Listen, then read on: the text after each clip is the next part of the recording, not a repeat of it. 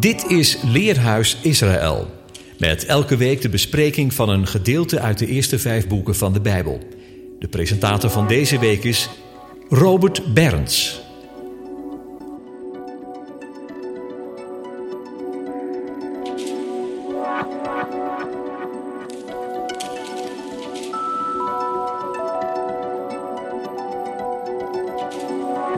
Shalom luisteraars. Vandaag bespreken we Parasha Korach, nummer hoofdstuk 16 vers 1 tot en met 18 vers 32 en de Haftra 1 Samuel 11 vers 14 tot en met hoofdstuk 12 vers 25 en de gemeenschappelijke thema's uit deze schriftgedeelte en het boek Judas uit de Berit Gadesha. De thema's sluiten aan bij de actualiteit, namelijk hoe rebellie en anarchie als een virus om zich heen grijpt en het door God ingestelde gezag ter discussie stelt en ondermijnt. Hij die alle harten doorgrondt, straft de rebellen hoofd voor hoofd en geeft een besmettelijke ziekte onder het volk, die niet ophoudt dan nadat de leiders, die, door hemzelf tot dit ambt waren geroepen, voor het volk in de bres gaan staan. Daaruit blijkt eens te meer hun onbaatzuchtigheid en dat zij allereerst zijn koninkrijk zochten en zijn gerechtigheid, ja dat zij zijn naam zoeken te eren zonder enig eigen belang. We lezen uit 1 Samuel 12 vers 12, toen gij zag dat Nagas, de koning der Ammonieten, tegen u optrok, zeide gij tot mij, Samuel, nee, een koning zal over ons regeren, terwijl toch de Heere uw God uw koning is. Nu dan, zie daar de koning die gij verkoren hebt, die gij begeerd hebt. Zie, de Heere heeft een koning over u aangesteld. Dat was Saul. Als gij maar de Heere vreest, hem dient, naar hem luistert en tegen het bevel des Heeren niet weerspannig zijt, en zowel gij als de koning die over u regeren zal, de Heere uw God volgt. En vers 22, want de Heere zal zijn volk niet verstoten, om der wille van zijn grote naam. De Heer heeft immers verkozen u tot zijn volk te maken. Onder de dreigingen van de volken rondom zocht het volk in hun benauwdheid naar in hun ogen structurele oplossingen. Zij zagen dat de zonen van Samuel, die te Beersheba als richters optraden, niet zo onbaatzuchtig recht spraken als hun vader. Wat dan als Samuel er als richter niet meer zou zijn? Wie zou hen dan leiden? Zij hadden geen vertrouwen in deze toekomstige richters. Samuel richtte het volk op, een, op het koningschap van de Heere. Deze man Gods voelt zich door de wens van het volk, geef ons een koning gelijk als andere volken, verworpen. Maar de Heere ziet verder en zegt hem dat het volk niet Samuel verwerpt, maar zijn koningschap heeft verworpen. We lezen in 1 Samuel 8 vers 5, zie, gij zijt oud geworden en uw zonen wandelen niet in uw wegen. Stel nu een koning over ons aan om ons te richten, als bij alle andere volken. Toen zij zeiden, geef ons een koning om ons te richten, mishaagde dat aan Samuel, en hij bad tot de Heere. En de Heere zeide tot Samuel, luister naar het volk in alles wat zij tot u zeggen, want niet u hebben zij verworpen, maar mij hebben zij verworpen, dat ik geen koning over hen zou zijn. Juist zoals zij gedaan hebben van de dag af, toen ik hen uit Egypte leidde tot op de huidige dag, dat zij mij hebben verlaten en andere goden gediend, zo doen zij nu ook tegen u. Nu dan, luister naar hen, maar waarschuw hen ernstig en zeg hen aan hoe het optreden zal zijn van de koning die over hen regeren zal. Daarop zalft Samuel de Benjaminiet Saul, de zoon van Kis, tot hun koning. Maar die blijkt niet voor alle Israëlieten een juiste keuze te zijn totdat Saul in de oorlogen tegen de koning van de Ammonieten succesvol blijkt te zijn. In de oorlogen des Heren ondersteunde de Heere Saul. En na die overwinning loopt het volk te hoop en roept, 1 Samuel 11, vers 13, toen zeiden het volk tot Samuel, wie heeft er gezegd, zou Saul over ons koning zijn? Geef hier die mannen, dat wij hen doden. Maar Saul zeide, op deze dag zal niemand te dood gebracht worden, want de Heer heeft heden verlossing aan Israël geschonken. En Samuel zeide tot het volk, Komt, laten wij naar Gilgal gaan en daar het koningschap vernieuwen. Toen ging het heel het volk naar Gilgal en riep daar Saul tot koning uit voor het aangezicht des Heren te Gilgal. En zij slachten daar vredeoffers voor het aangezicht des Heren. En Saul en alle mannen van Israël verheugden zich daar zeer. Zowel Samuel in zijn priesterambt als Saul in zijn koningschap tonen hun vertrouwen op de Heere in een zachtmoedige en nederige wandel, die het oordeel en de terechtwijzing overlaten aan Hem die alle harten kent en ook dagelijks toetst. Een ieder krijgt opnieuw de gelegenheid om het koningschap van Saul en het priesterambt van Samuel te erkennen. 1 Samuel 12, vers 7. Nu dan, stelt u op, opdat ik als richter u voor het aangezicht des Heren voorhouden alle rechtvaardige daden die de Heere voor u en uw vaderen gedaan heeft.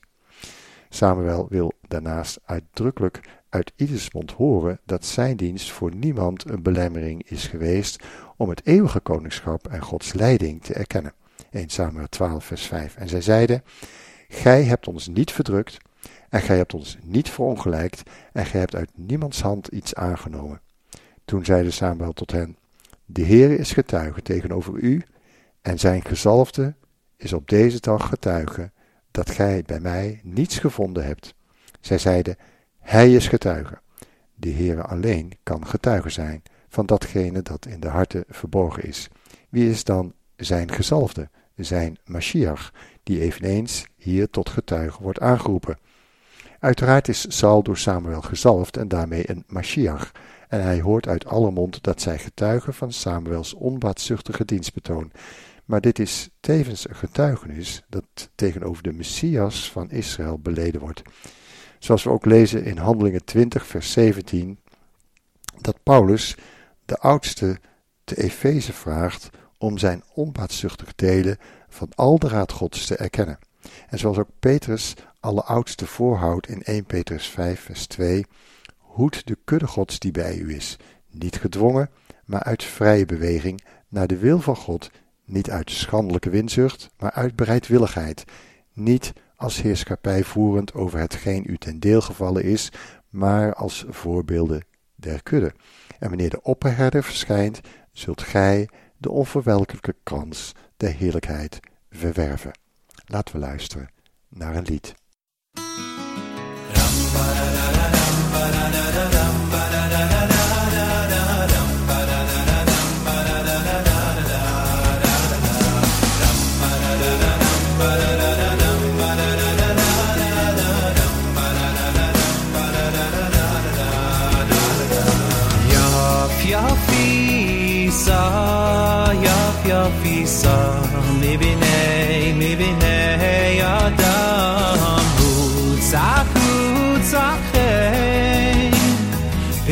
וספסה היסחה וספסה היסחה יף יפיסה יף יפיסה מביני מביני אדם הוצח הוצחי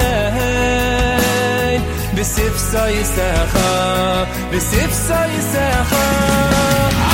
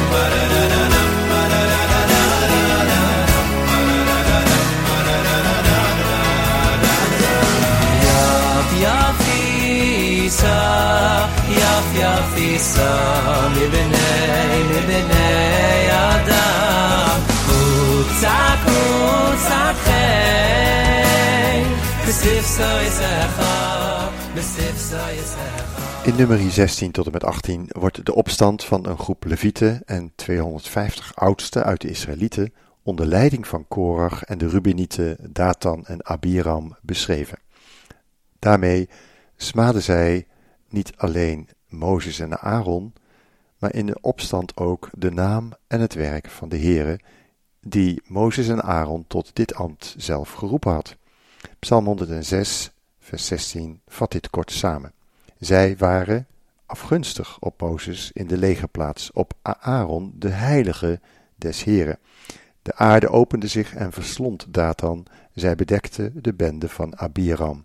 Een vuur ontbrandde onder hun bende, een vlam verteerde de goddelozen. Korach was een volle neef van Mozes en Aaron. Hun beide grootvader was de tweede zoon van Levi, Kohat. De Kohathieten waren gesteld over alle voorwerpen in het huis van de Heere.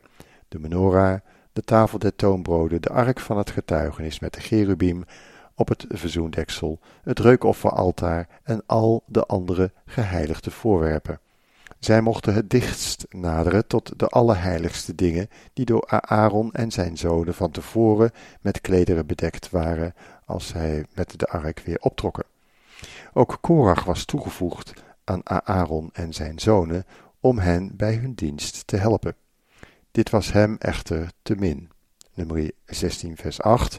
Toen zeide Mozes tot Korach, hoort toch, gij Levieten, is het u te weinig dat de Heere dat de God van Israël u heeft afgezonderd van de vergadering van Israël om u tot zich te doen naderen, om de dienst aan de tabernakel des Heren te verrichten en voor het aangezicht der vergadering te staan om hen te dienen, en dat hij u en al uw broederen, de levieten, met u deed naderen. Streeft gij nu ook naar het priesterschap? Daarom, gij en uw gehele aanhang, gij spant samen tegen de Heere, want wat is Aaron dat gij tegen hem zoudt morren? En in vers 5 zei Mozes, en hij sprak tot Korach en zijn gehele aanhang, morgen, dan zal de Heere doen weten wie hem toebehoort en wie de heilige is, dat hij hem tot zich doe naderen. Die hij verkiezen zal, zal hij tot zich doen naderen. Korach had als geen ander moeten weten wat we lezen in Hebreeën 5 vers 1, want elke hoge priester die uit de mensen genomen wordt, treedt voor de mensen op bij God om gaven en offers te brengen voor de zonde. Hij kan tegemoetkomend zijn jegens de onwetende en dwalende, daar hij ook zelf met zwakheid omvangen is, die hem verplicht, evenzeer als voor het volk, voor zichzelf offers voor de zonde te, te brengen. En niemand matigt, zichzelf die waardigheid aan, doch men wordt ertoe geroepen door God zoals immers ook Aaron. Korach kende echter geen ontzag voor Gods woord, inzettingen en zijn ambtsdragers.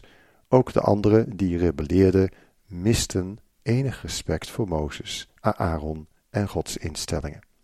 Nummer 16 vers 12 Mozes nu zond heen om Datan en Abiram, de zonen van Eliab, te ontbieden. Maar zij zeiden, we komen niet, is de kleinigheid dat gij ons hebt opgevoerd uit een land vloeiende van melk en honig, om ons te laten sterven in de woestijn, en wilt gij u ook nog als heerser over ons opwerpen? Deze zware aantijgingen en die van Korach zijn ondanks de religieuze inkleding een frontale confrontatie en verwerping van het leiderschap door een deel van de leiders van Israël, mannen van naam uit de vergadering. Nummer 16 vers 3 staat dan, zij dan liepen te hoop tegen Mozes en naar Aaron en zeiden tot hen, laat het u genoeg zijn, want de gehele vergadering, zij allen zijn heiligen, en de Heere is in hun midden, waarom verheft gij u dan boven de gemeente des Heeren? Toen Mozes het hoorde, wierp hij zich op zijn aangezicht. Zowel Korach als Nathan en Abiram schuiven hun eigen valse motieven in de schoenen van Mozes en Aaron.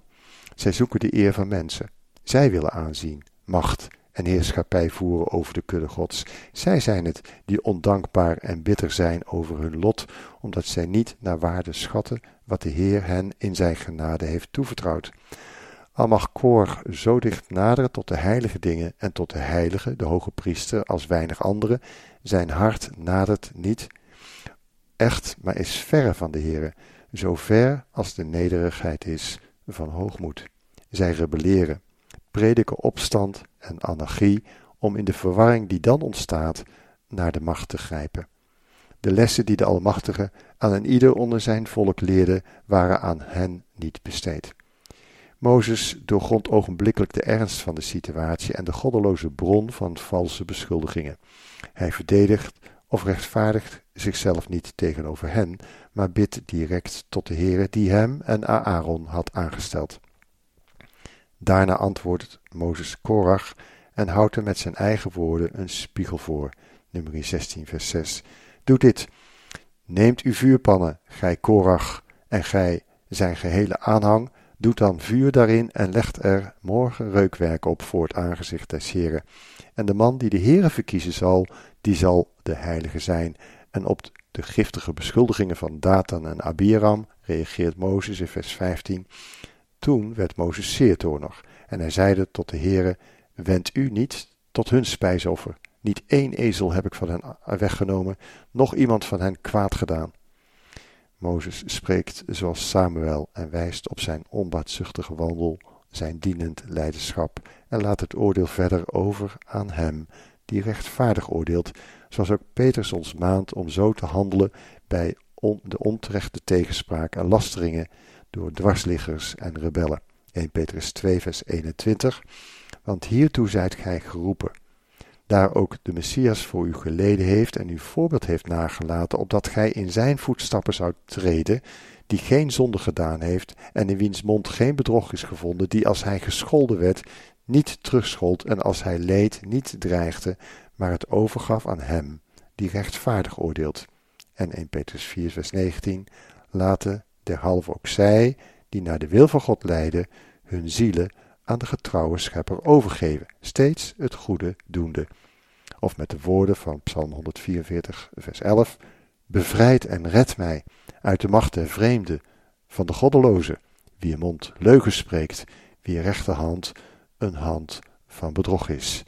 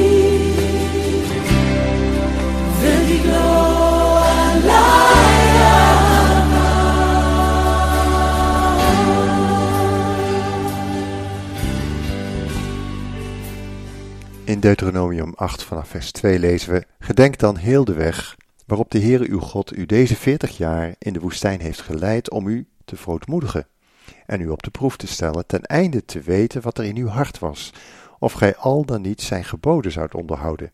Ja, hij verootmoedigde u, deed u honger lijden en gaf u het manna te eten dat gij niet kende en dat ook uw vaderen niet gekend hadden, om u te doen weten dat de mens niet alleen van brood leeft, maar dat de mens leeft van alles wat uit de mond des Heren uitgaat.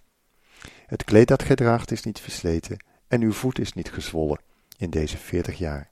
Erkent dan van harte dat de Heere uw God u vermaant, zoals een man zijn zoon vermaant, en onderhoudt de geboden van de Heere uw God door in zijn wegen te wandelen en hem te vrezen.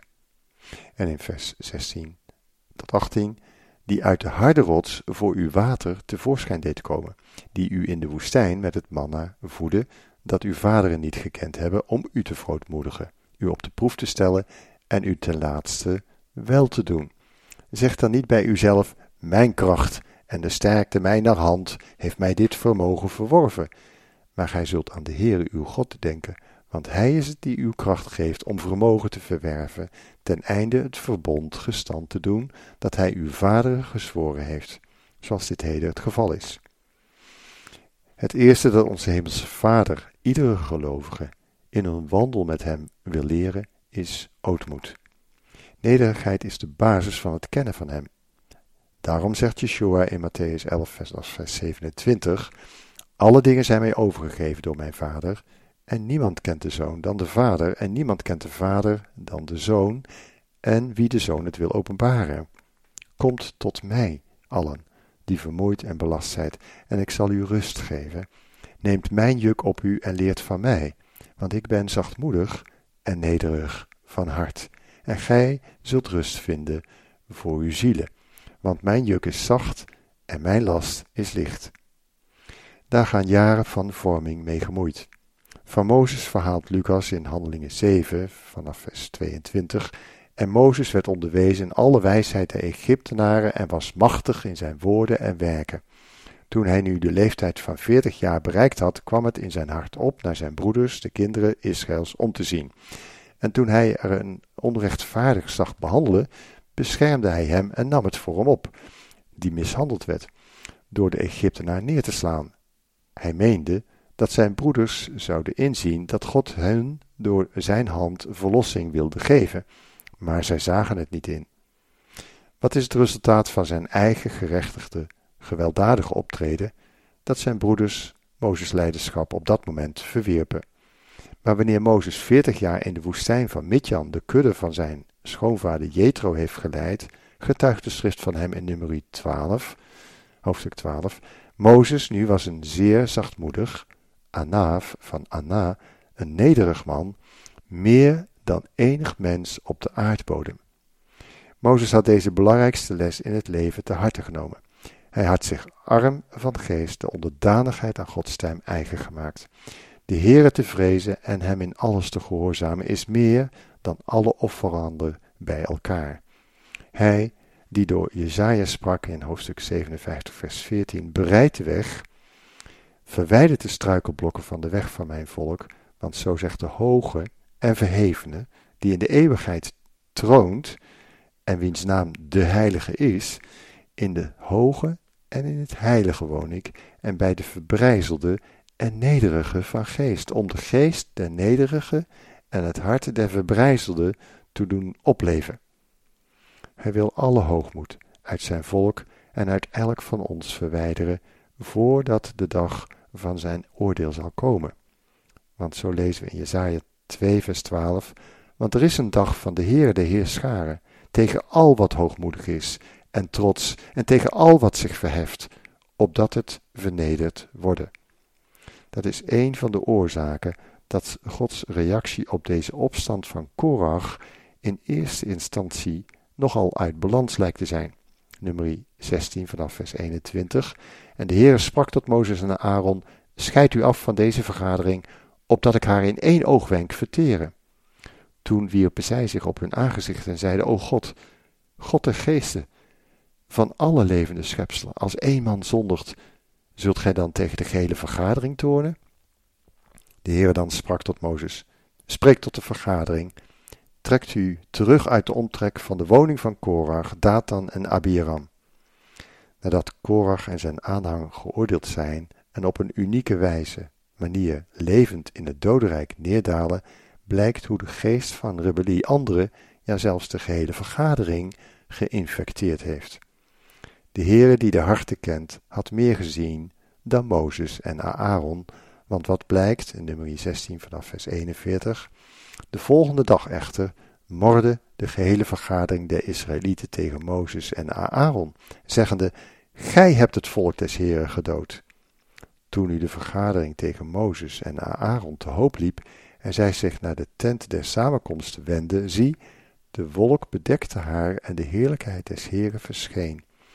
Toen kwamen Mozes en Aaron tot voor de tent der samenkomst. De Heer dan sprak tot Mozes, Trekt u terug uit deze vergadering, opdat ik haar in één ogenblik verteren. Toen wierpen zij zich neder op hun aangezicht. En Mozes zeide tot Aaron: Neem een vuurpan, doe er vuur in van het altaar, leg er reukwerk op en ga haastig tot de vergadering en doe verzoening over hen, want de toren is van de Heere uitgegaan, de plaag is begonnen. Aaron nam een vuurpan, zoals Mozes gesproken had, en snelde tot midden onder de gemeente. En zie, de plaag was onder het volk begonnen. Toen legde hij er reukwerk op en deed verzoening over het volk. Toen hij tussen de doden en de levenden stond, hield de plaag op van de ziekte.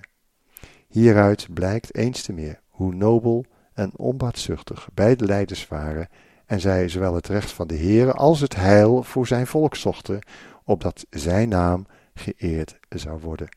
Zij dienden het koninkrijk en de koning en zetten hun levens daarvoor in.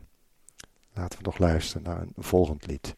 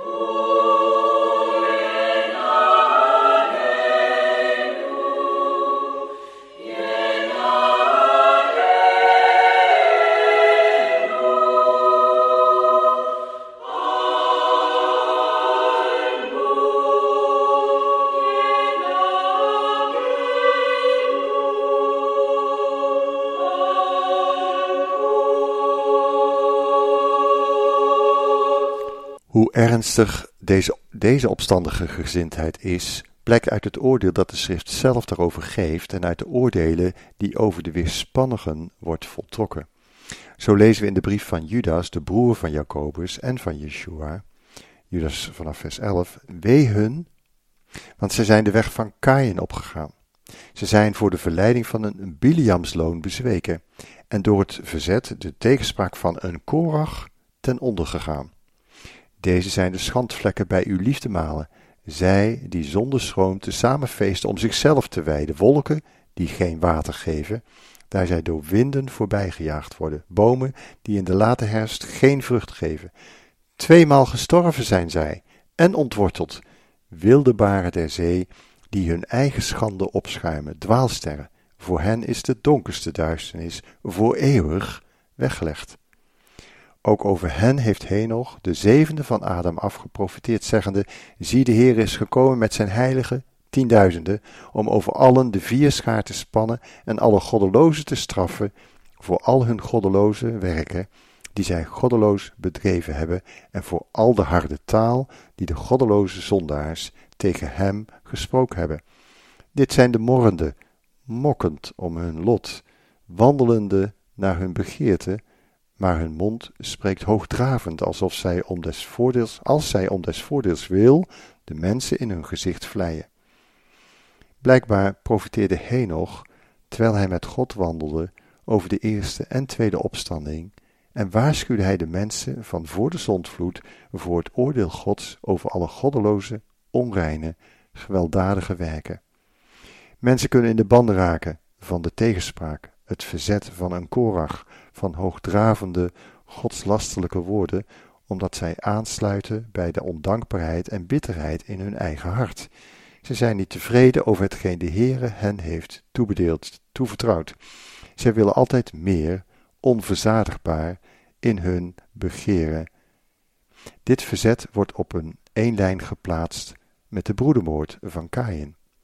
Zo schroomde Korach niet om Mozes en Aaron en de godvrezende, ja zelfs de raad gods aan de kant te schuiven. In één adem wordt de spot en tegenspraak van Korach op eenzelfde wijze geoordeeld als de raad van Biliam, waardoor velen van Gods volk zich overgaven aan de afgoden van Baal Peor en aan immorele, losbandige, goddeloze seksuele begeerten en praktijken die daarbij, daarmee gepaard gaan. Judas is duidelijk over welk oordeel hun te wachten staan. Zij zijn nu al tweemaal gestorven, ontworteld uit het leven dat de geest wil geven. Judas spreekt hier over het oordeel van de tweede dood, waar Openbaringen 20 over spreekt. Zelfs Henoch, die wandelde met God en niet meer was, wist hiervan en heeft hierover geprofiteerd. En Mozes weet daarvan wanneer hij het oordeel over Korach en zijn aanhang uitspreekt, nummer 16 vanaf vers 25. Toen maakte Mozes zich op en ging tot Datan en Abiram en de oudste van het Israël volgde hem. En hij sprak tot de vergadering, Wijk toch van de tenten deze goddeloze mannen en raakt niets aan dat hen toebehoort, opdat gij niet door al hun zonden wordt weggeraapt. Toen trokken zij weg uit de omtrek van de woning van Korach, Datan en Abiram. En Datan en Abiram traden naar buiten en stonden aan de ingang van hun tenten met hun vrouwen, zonen en kleine kinderen. Daarop zeide Mozes, Hieraan zult gij weten dat de Heere mij gezonden heeft om al deze daden te doen en dat het niet mijn bedenksel is. Indien deze zullen sterven zoals ieder mens sterft en over hen bezoeking zal worden gedaan zoals ieder mens bezocht wordt, dan heeft de Heere mij niet gezonden.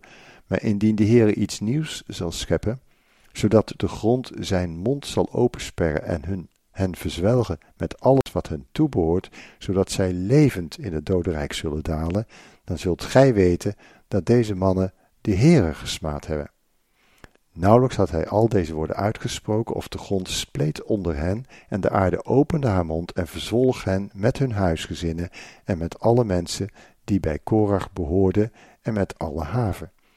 Zo daalden zij met al de hunne levend in de dodenrijk, en de aarde overdekte hen, zodat zij uit het midden der gemeente omkwamen. En alle Israëlieten die om hen heen stonden, vluchtten weg op hun geroep, want zij dachten, de aarde moest ook ons eens verzwelgen. Ook Paulus is daar uitgesproken en duidelijk over in 1 Korinthe 6, vers 9. Maar zelf doet gij onrecht en doet gij tekort, en dat aan broeders. Of weet gij niet dat onrechtvaardigen het koninkrijk Gods niet beërven zullen? dwaalt niet. Hoereerders, afgodendienaars, overspelers, schandjongens, knapenschenders, dieven, geldgierigen, dronkaards, lasteraars of oplichters zullen het koninkrijk Gods niet beërven. En sommigen van u zijn dat geweest, maar gij hebt u laten afwassen, maar gij zijt geheiligd, maar gij zijt gerechtvaardigd door de naam van de Heere Jezus Christus en door de geest van onze God. Er is nu nog bekering en reiniging mogelijk van alle bezoedelingen des vleeses en des geestes. Laten we daar ernst mee maken, omdat hij het volgende belooft in 2 Petrus 1 vanaf vers 8. Want als deze dingen bij u aanwezig zijn en overvloedig worden, laten zij u niet zonder werk of vrucht voor de kennis van onze Heer Jezus Christus.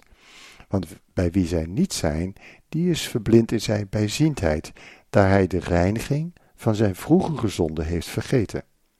Beijft u daarom des te meer, broeders, om uw roeping en verkiezing te bevestigen. Want als gij dit doet, zult gij nimmer struikelen. Want zo zal u rijkelijk worden verleend de toegang tot het eeuwig koninkrijk van onze Heere en Heiland Jezus Christus. Daarom roept Judas op om, in, om hen die in de wereld gebonden zijn en verslaafd zijn, ook aan pornografie en tegen natuurlijke begeerten, en daarin boze geesten uh, dienen, ja, de bekering voor te houden. Dan kan en zal de Heere hen verlossen uit de macht van de boze, hen vergeven en genezen. Hij zal hen overbrengen van het koninkrijk der duisternis tot het koninkrijk van zijn licht, want aan hem is gegeven alle macht, in de hemel en op de aarde. Hij is onze hoge priester, die voor ons bidt, pleit en verzoening doet, opdat de plaag zal ophouden. In de plaag die volgde op de opstand stierven 14.700 Israëlieten. En door de koppeling aan de hoerij bij Baal Peor stierven het wel 24.000. De plaag van de ziekte hield pas op nadat de hoge priester met zijn vuurpan de lieflijke rook van de aanbidding, de dank en de lofzangen weer in de lege plaats van Israël terugbracht en de naam van de heilige Israëls weer door het volk geëerd werd. Hij kent de zijne, hoofd voor hoofd, hart voor hart. Daarom lezen we tenslotte van de zonen van Korach in nummer 16 vanaf vers 9. Deze Datan en Abiram waren de opgeroepenen der vergadering, die met Mozes en Aaron getwist hadden in de bende van Korach. Toen deze twistte tegen de Heere, maar de aarde had haar mond geopend en hen met Korach verslonden. Toen de bende stierf, doordat het vuur de 250 mannen verteerde, zodat zij tot een teken werden. Maar de zonen van Korach waren niet gestorven. Deze zonen die hun vader Korach niet volgden, maar zich van hem afkeerden, kregen zelfs een bijzondere plaats als voorzangers in de tempeldienst. Twaalf van de 150 psalmen geven uiting aan hun dankbaarheid en wat zij geleerd hebben in hun toewijding aan de dienst van het huis Gods.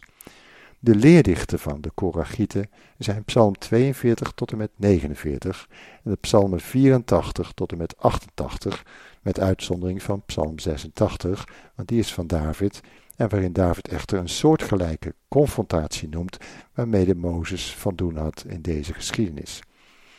Zoals Ezekiel 18 onderwijst, de zonen zullen niet sterven om de zonde van de vaderen en de vaderen zullen niet sterven vanwege de zonde van hun kinderen.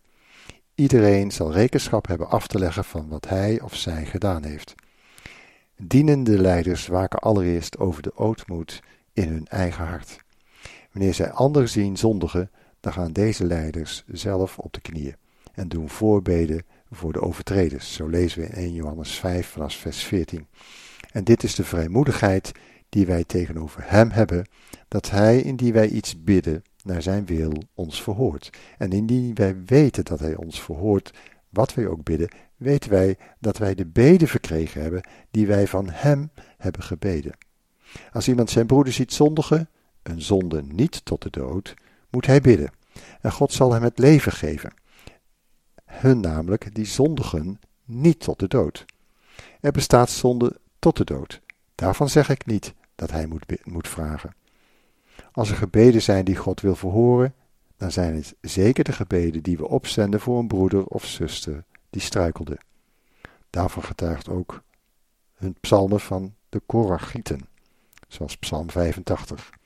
Gij hebt de ongerechtigheid van uw volk vergeven, al hun zonden bedekt. Herstel ons, o God van ons heil, doe teniet uw afkeer van ons. Psalm 88. Laat mijn gebed voor uw aangezicht komen. Mijn leven is het dodenrijk nabij. Zo getuigt Psalm 84 van de weg die de zonen van Korach zelf zijn gegaan in het huis des Heren. Zij wisten hun bevoorrechte positie en dienst wel naar waarde te schatten door de geest van de Heere. Hoe lieflijk zijn uw woningen, welzalig zij die daarin wonen. Mijn hart en mijn vlees jubelen tot de levende God. Zij loven u voortdurend, want één dag daar is beter dan duizend elders. Shabbat Shalom.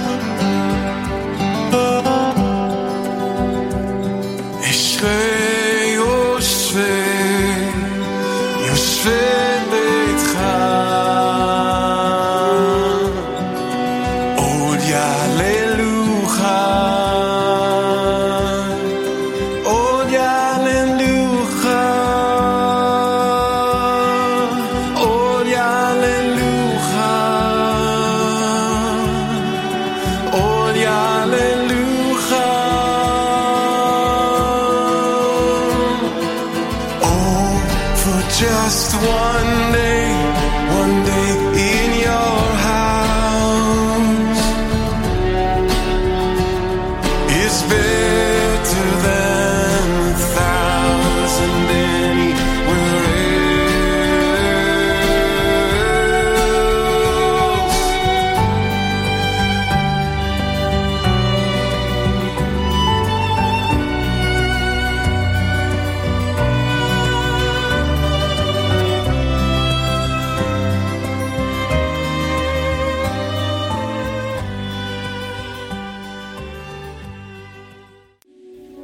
luisterde naar het programma Leerhuis Radio Israël.